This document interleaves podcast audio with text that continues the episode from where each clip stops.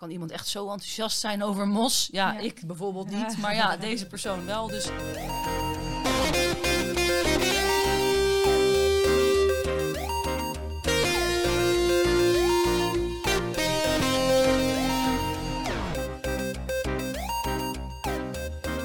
Hey, hallo. Het is alweer tijd voor een nieuwe aflevering van de Paagman Tipt Boekenpodcast. Mijn naam is Brit en ik ben jullie host. Normaal hoor je eigenlijk Sascha op deze plek, maar eh, onze Sascha heeft helaas een fantastisch leuke nieuwe baan gevonden. Dus eh, ja, hoor je mij nu op, eh, op dit plekje al. gefeliciteerd Sas. Ja, zoals je hoort, ik ben gelukkig niet alleen. We gaan vandaag voor totale anarchie. eh, met alleen maar Boek van de Maand collega's. Eh, ik heb namelijk Sophie, die je zojuist al hoorde. En eh, Evelien tegenover me zitten. Hallo, daar ben ik eh, weer. Ik weet dat ik eh, ja, een beetje fake news vorige, week, vorige maand eh, dat ik eigenlijk al afscheid, afscheid had genomen. Ja, nu is het wel echt officieel, want morgen is mijn allerlaatste dag voordat mijn verlof begint. Ja, nou fijn dat je toch nog even hier bij ons, eh, bij ons wilde, wilde aanschuiven. Even op de valreep. Ja, maar al te graag natuurlijk. Hoe, eh, hoe is het lezen bij jullie deze maand gegaan?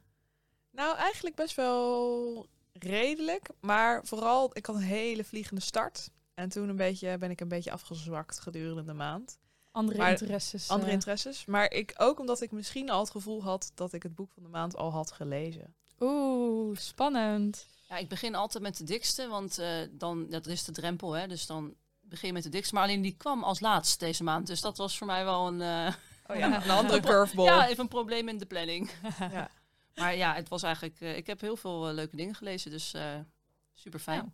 Dus ben jij weer toe aan een nieuw lievelingsboek? Elke eerste vrijdag van de maand tippen onze boekverkopers een boek van de maand en andere leestips. We gaan in maart voor een Afghaanse familiegeschiedenis die zowel groots als intiem aanvoelt. Ons nieuwe boek van de maand is, jongens, zeg het maar. Eh, de moeders van Mahipar van Foruk Karimi. En bij eh, totale anarchie hoort ook een nieuwe aanpak. Dus we gooien de boel een beetje om. We willen eerst ons enthousiasme over ons boek van de maand met je delen. En daarna willen we je graag nog een aantal andere tips meegeven om die nog de lezenlijst eh, nog langer te maken. Yep. Zullen we dus eh, over de moeders van Mahipar van Farouk Karimi. Het Ja, is uitgegeven door uitgeverij Meridiaan. En eh Sof, misschien wil jij wat vertellen over, over het verhaal? Waar gaat ja, het nou, over? zeker. Eh, de moeders van Mai Par vertelt de geschiedenis van de Afghaanse vrouw Lolo, haar zoon Ramin en zijn vrouw Sarah. Nou, zij probeert dus in Nederland een nieuw bestaan op te bouwen met haar zoon Ramin. Eh, soms heeft hij in het boek, eh, heet hij soms Sam, dus dat ja, misschien soms een beetje verwarrend, maar ja, een beetje incognito moesten ze blijven. Eh, hij weet niks van zijn afkomst, maar gaandeweg eh komt daar wel verandering in. En ja, dat maakt het een heel afwisselend boek. Dus nu, heden, toekomst. Ramin volgen wij zijn leven. Hij wordt radioloog en trouwt met een Afghaanse literatuurwetenschapper, Sarah. En zij vertaalt dus het dagboek van zijn moeder vanuit het Farsi, waardoor eh, ja, hij dus achter zijn familiegeschiedenis komt. Ja, en dat is eigenlijk ook een beetje waar je dus begint met de terugblik in het eh, verleden. Want nou, de Lolo is dus gevlucht naar Nederland en dat is eigenlijk het startpunt van het boek. Maar gaandeweg kom je veel meer te weten over nou, de reden waarom ze is gevlucht. Nou, los van het feit dat er in Afghanistan natuurlijk eh, genoeg redenen zijn geweest om daar weg te, te willen, is er ook nog veel meer ja, persoonlijk en met haar familie, eh, familie aan de hand. En nou, daar komen wel echt wat heel erg interessante dingen aan bod, zoals ja, een huwelijk en een beetje eerwraak. Eh, best, wel, eh, best wel dramatisch allemaal. Ja. ja, je leert ook haar moeder en haar zus kennen, die gedurende het verhaal steeds terugkomen. Ja, en die dus ook allemaal een grote rol hebben gespeeld in ja, het heden eigenlijk. Ja. ja, en als lezer weet je eigenlijk, doordat een deel van het verhaal zich ook dus in het verleden afspeelt, weet je best wel lang al meer over ehm Ramins familiegeschiedenis dan hij zelf, toch? Ehm, Ja, klopt. Hoe vonden jullie dat? ik moest me wel even overgeven aan eh, dat het is best wel niet chronologisch. Wat het Ja. wel heel interessant maakt om te lezen. En je, ja, je wordt een beetje heen en weer geslingerd tussen van waarom doet hij nou zo? Want hij had het. Weet je, weet je niet hoe zwaar het is, maar dat tegelijkertijd weet hij het ook allemaal niet. Dus het is wel een super dynamische leeservaring eh, geweest. Maar ik moest me er wel een beetje aan overgeven. Ja, niet alle karakters zijn op ieder moment even ehm likable of zo, hè? Soms, eh, Nou, ben ik echt helemaal met jou eens. Omdat je ook dan, eh, hij maakt dan bepaalde keuzes en dan denk je echt van, wat doe je? Nee, Ja. maar, wat- waarom ga je met een Afghaanse vrouw trouwen op deze manier? En dan, wat is er aan de hand? En dan, ja, hij is er heel blij mee. En dan lees je hoe dat vroeger gegaan is. Dat is echt wel een beetje frustrerend. Maar dat maakt het inderdaad wel, eh, ja, gewoon een hele actieve, actief verhaal. Ja, ja. En zeker omdat, dit is natuurlijk ja, eigenlijk een ode aan de sterke vrouw. Nou ja, dat komt daar echt in terug. Ja, zeker. Ja, hier komt ook heel erg duidelijk, eh, zeg maar, die echt ervaringsdeskundige. Nou, de auteur is zelf ook een eh, vrouw die is weggevlucht uit Afghanistan. Nou, ze heeft ook een medische opleiding gedaan. Ook hier haar kind, eh, haar kinderen of kind, ik weet het even niet. Ja, in ieder geval, ze, ze was zwanger toen ze vluchtte, Ja. hoogzwanger toen ze vluchtte. En ze is in een AZC in Nederland eh, bevallen. Nou, ze stond Ja. in ieder geval in een, eh, in een interview. Maar het is wel belangrijk om even te zeggen, het is niet autobiografisch. Ja, Nee. klopt. Maar ja, het, je, het, het leest wel echt als, eh, ja, als een roman. Maar het, bedoelt, er zit boordevol geschiedenis en eh, ja, getuigenissen eigenlijk. Ik Ja. denk ook echt als je dit leest dat je dan echt wel wat meer nu eh, kan zeggen over de Afghaanse oorlog of over eh, Afghaanse vluchtelingen die je misschien wel kent. Ik bedoel, ik had bijvoorbeeld vroeger op de basisschool ook best wel veel eh, Afghaanse jongens in de klas. Nou, toen had ik eigenlijk geen flauw idee van hun afkomst, ook natuurlijk voor je leeftijd. Ja, wat voor pijn daar misschien in die familie zat. Nou, en ook die jongens gewoon, zelf eh, ook... eh, Ja, of bepaalde gebruiken ook. Ja. Dat je, dat je, ja, ze zijn super gastvrij. En dat voelt dan soms als een Nederlander een beetje overrompelend. Want ja, wij zijn misschien wel gastvrij, maar wel zuinig natuurlijk. Dus. Ja. Maar ja, dus dat is echt wel. Het geeft. ja, het is, het is eventjes een inkijkje in een andere cultuur. En dat vind ik sowieso altijd echt ontzettend, eh, ja, ontzettend belangrijk in boeken. Dat je er gewoon ook iets van opsteekt. En dat is in deze zeker het geval. Ja, ja, zeker in deze tijd is het gewoon echt een heel actueel eh, verhaal. Waar we denk ik, eh, ja, gewoon, je leert heel veel over de geschiedenis van Afghanistan en over het leven van die mensen daar. En inderdaad ook wat die mensen dus mee naar Nederland nemen. Ja, het, het laat gewoon denk ik wel weer zien hoe belangrijk het is dat we deze verhalen, ja, dat we daar in aanraking mee blijven komen. Want volgens mij inderdaad, eh, nou ja, zoals jij al zei, eh, het is geen autobiografisch eh, verhaal. Maar het is wel heel erg op de werkelijkheid gebaseerd. Omdat volgens mij, actueel, ja. ja, die, ja, de auteur Farouk Karimi is al best wel lang bezig geweest met het schrijven van een boek. Maar iedere keer kwam ze erachter dat ze ja, haar eigen, volledig eigen verhaal niet echt kon vertellen. Omdat het gewoon te dichtbij kwam. En ze dan ook eigenlijk te feitelijk ehm, bleef. Dus ja, dat vind ik wel, dat vind ik ook wel echt heel, heel bijzonder dat, dat dit boek dus uiteindelijk er, eruit is gekomen. Dat het haar dus is gelukt om ja, Ja, misschien soms heeft even een gevoel opzij te zetten en eh, het echt het verhaal te vertellen. Ja, lijkt me erg lastig. Zeker Ja. als je, het je eigen achtergrond is. En ehm, waarom is de titel eh, De Moeders van Mahipar? Ja, dus eh Mahipar betekent dat als het water van de top van de berg naar beneden valt, de vissen meevliegen naar beneden. En eh, ja, de bergen van Mahipar worden door een vriend van Ramin omschreven als de enige plek in Afghanistan die niet verwoest kan worden. En eh, ja, ze worden ook omschreven als hoog en onverzettelijk. En eh, ja, dit is ook waar we misschien dan een beetje de cover proberen te begrijpen. Wat doet die vis nou eigenlijk precies op de cover? Want we moesten wel even graven. Even nalezen, wat betekent het precies? Ja, want, die, want ja, nou ja, dat zijn hele hoge bergen waar dus ook eh, een waterval in zit. Dus eh, Nou ja, op zich, het is dus een vis met vleugels. eh, ja, die van de top van de berg naar beneden valt. En meevliegen naar beneden. Dat vind ik wel. Ja, ja. En het is daarnaast ook gewoon een prachtige cover om naar ja, te het kijken. ziet er Dus heel mooi uit. Ja. goed gekozen. Ja. Maar ik vind het gewoon al met al een ontzettend indrukwekkend boek. En zeker die eh, cultuurverschillen, dat- ja, dat, dat is... eh, Ja. En ook heel spannend, hè? Het, eh, Ja, en ook best wel complex als je erover nadenkt. Dan toch wel aardig wat verschillende perspectieven, plaatsen, tijden. eh, en toch komt het allemaal mooi samen. Voor ons in ieder geval een grote hit. En ik, ik hoop eh, dat er veel mensen zijn die het willen gaan lezen. Want ik denk dat het echt, eh, echt een bijzonder en belangrijk boek Ja.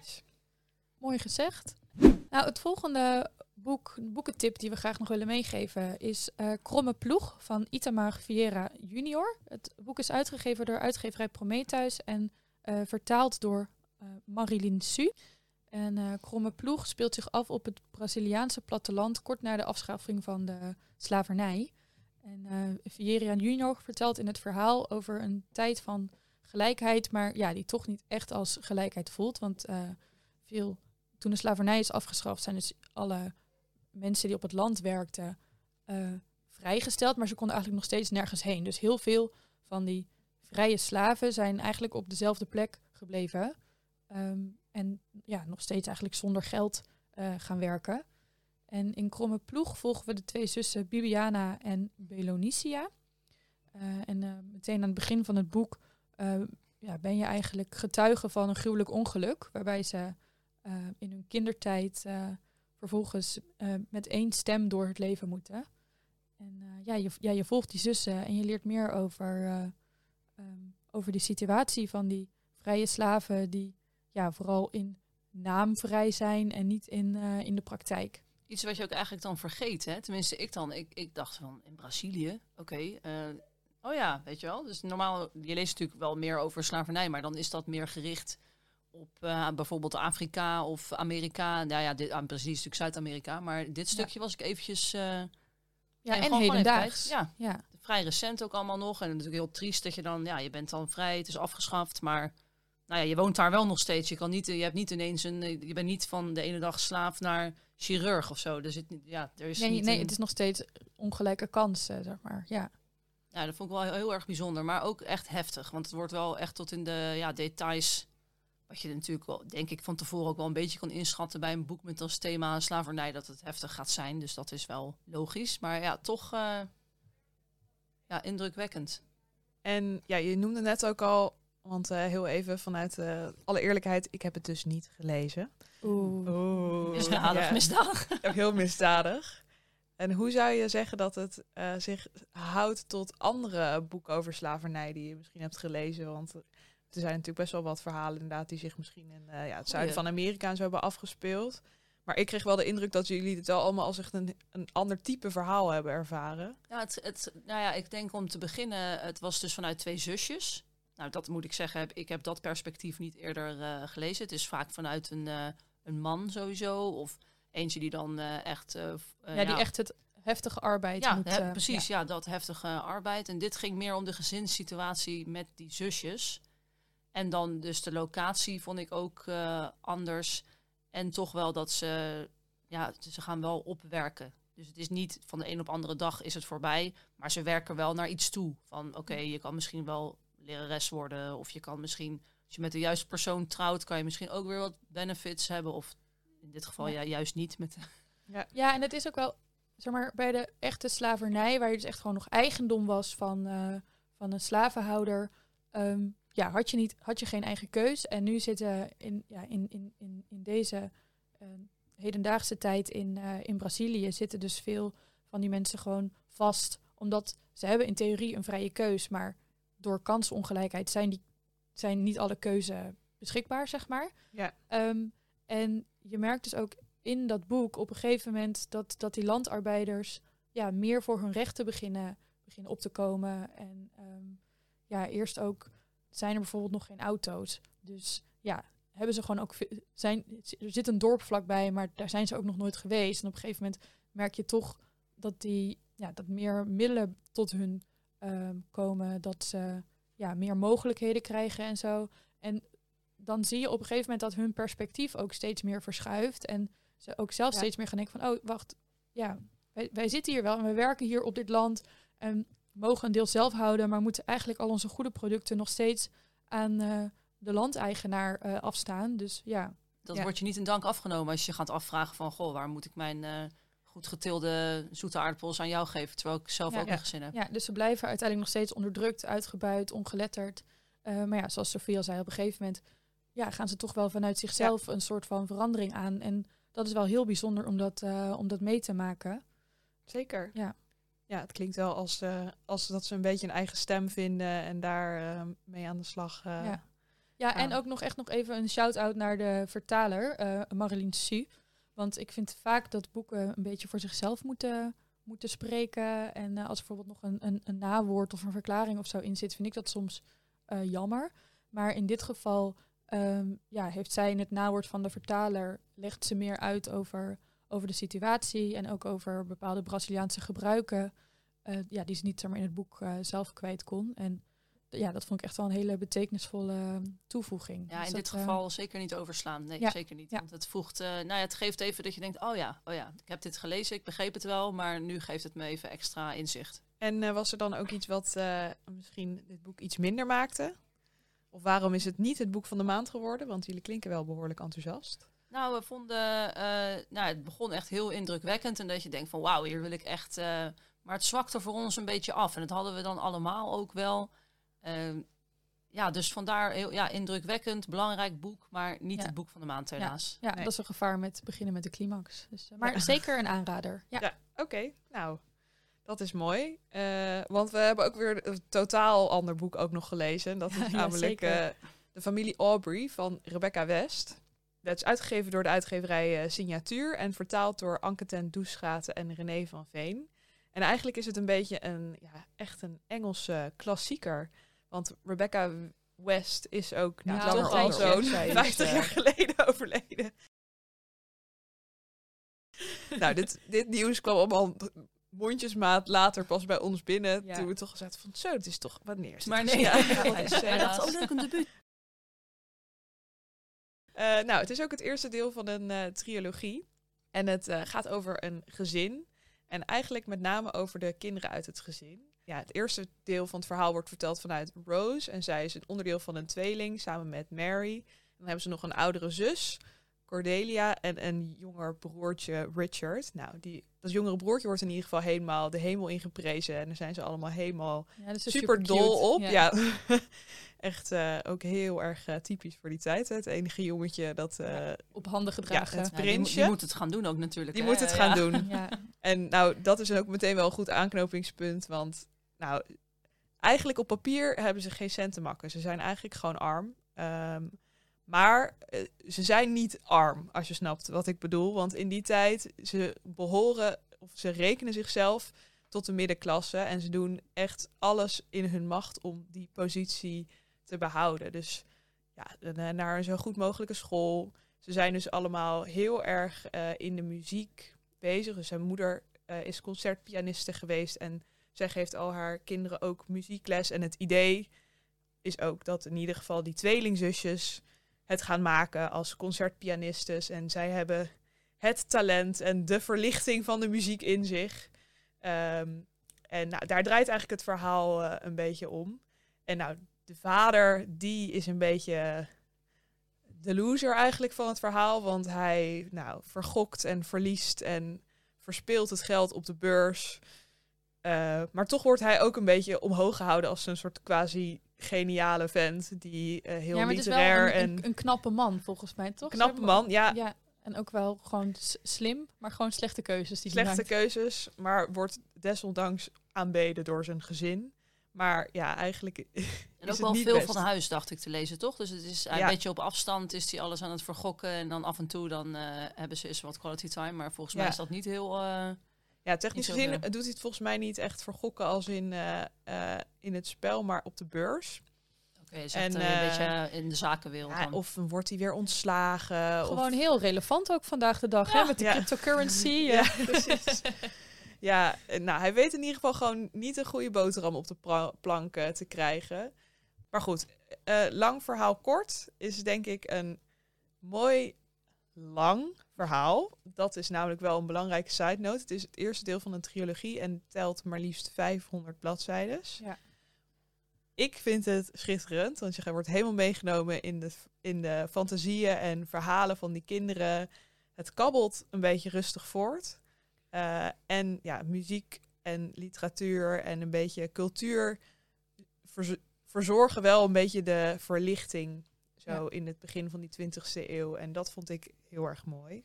Ja, wat ik een beetje heb begrepen is volgens mij dat die trilogie uiteindelijk ja, vooral heel erg ehm, een gewoon gezin met een veranderende tijd op de, op de achtergrond eh, eh, gaat zijn. Dus eh, ja.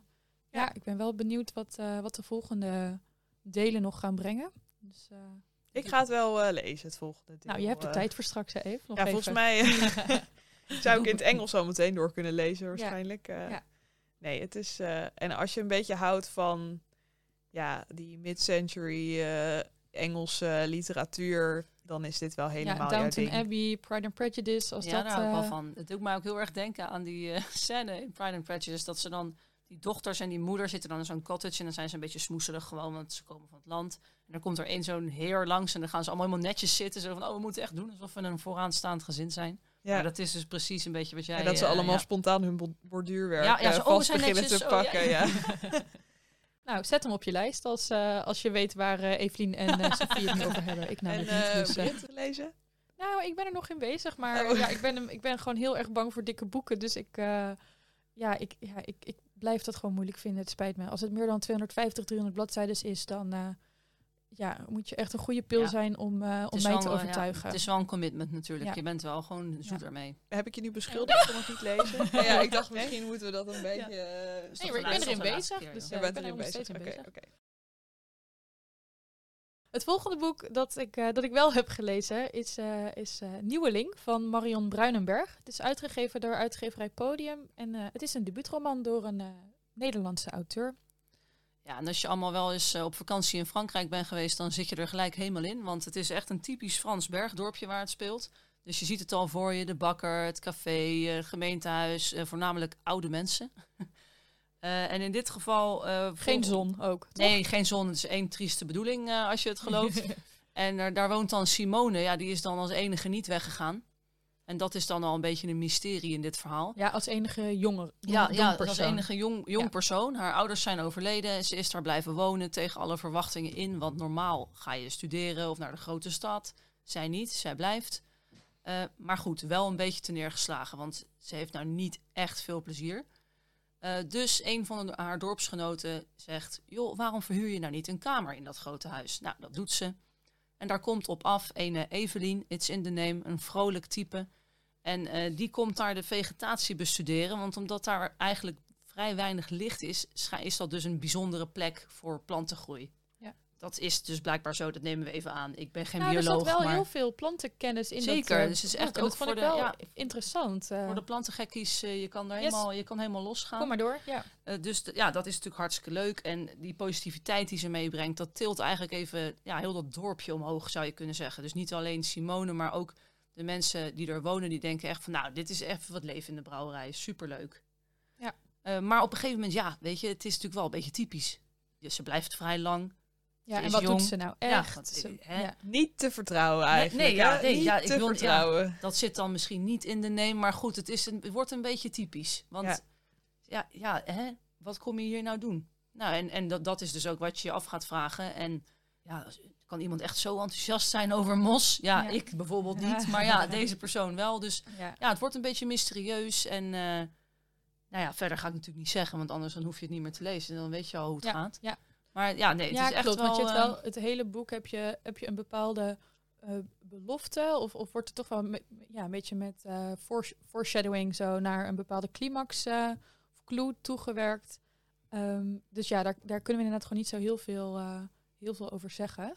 Ja, maar het sfeertje, zeg maar, als je houdt van een beetje natuur. Nou, dit is in dit geval dan een beetje een authentiek Frans bergdorpje. En misschien voor de lezers van de Acht Bergen. Zou ik het zeker al voor de sfeer en het gevoel een absolute aanrader vinden. Maar het was dus wel, nou, zoals ze zeiden, dus die climax die komt wel vrij snel en plotseling aan het eind van het Ja. boek. Dus je, nou ja, wij zijn er nog steeds niet Nee, ja, helemaal nee. over, over uit wat daar nou precies gebeurde. En ik weet niet, of, niet zeker of dat nou de bedoeling Nee, nog is steeds niet ook. of- Want ik, eh, ik dacht inderdaad van, ik had hem eerder uit eh, dan, dan jij. Hè? Ja. Dus, eh, dus ik zei van, joh, ja, ik weet het nog niet. Dus ik ben benieuwd wat jij dan vindt. Ja. Dus, maar maar jij weet ook nog niet nu. Dus, Nee, nee, het is, het is nog. Nee, ja, we hebben het er daarna nog over gehad samen. En dan zit je toch van. Ja, Maar er, zijn, zijn nog steeds een soort van een paar opties open. Ja. Wat er nou echt. Maar als je het erover hebt, ja, dan... nou ja, op zich is dat natuurlijk eh, ja, een, een boek om over na te praten. Dat, eh, dat is in principe best een goed boek. maar ik vond echt het pluspunt het beschrijvende. Want dat doet ze dus echt heel Ja. goed. Want ik had echt wel... eh, nou, nou kwam ik vroeger ook vaak in Franse dorpjes. Maar die sfeer, die, ja, die zet die echt eh, zet ze goed neer. Ja, dus nou, toch, toch ook een, een, een mooie om op je eh, nog te lezen lijstje misschien te zetten. Ja, zeker. Nou, misschien eh, is het nu eh, toch eigenlijk wel weer tijd om het nog heel even over ons boek van de maand te hebben. Want nou, het voelt alweer als eeuwen geleden dat we het daar eh, over hadden. En we moeten toch nog heel even bij iedereen Ja. waarom Ja, je dit boek helpen- nou gewoon moet lezen. Want was het boek van de dat maand? vinden wij Ja, wel. Dat is.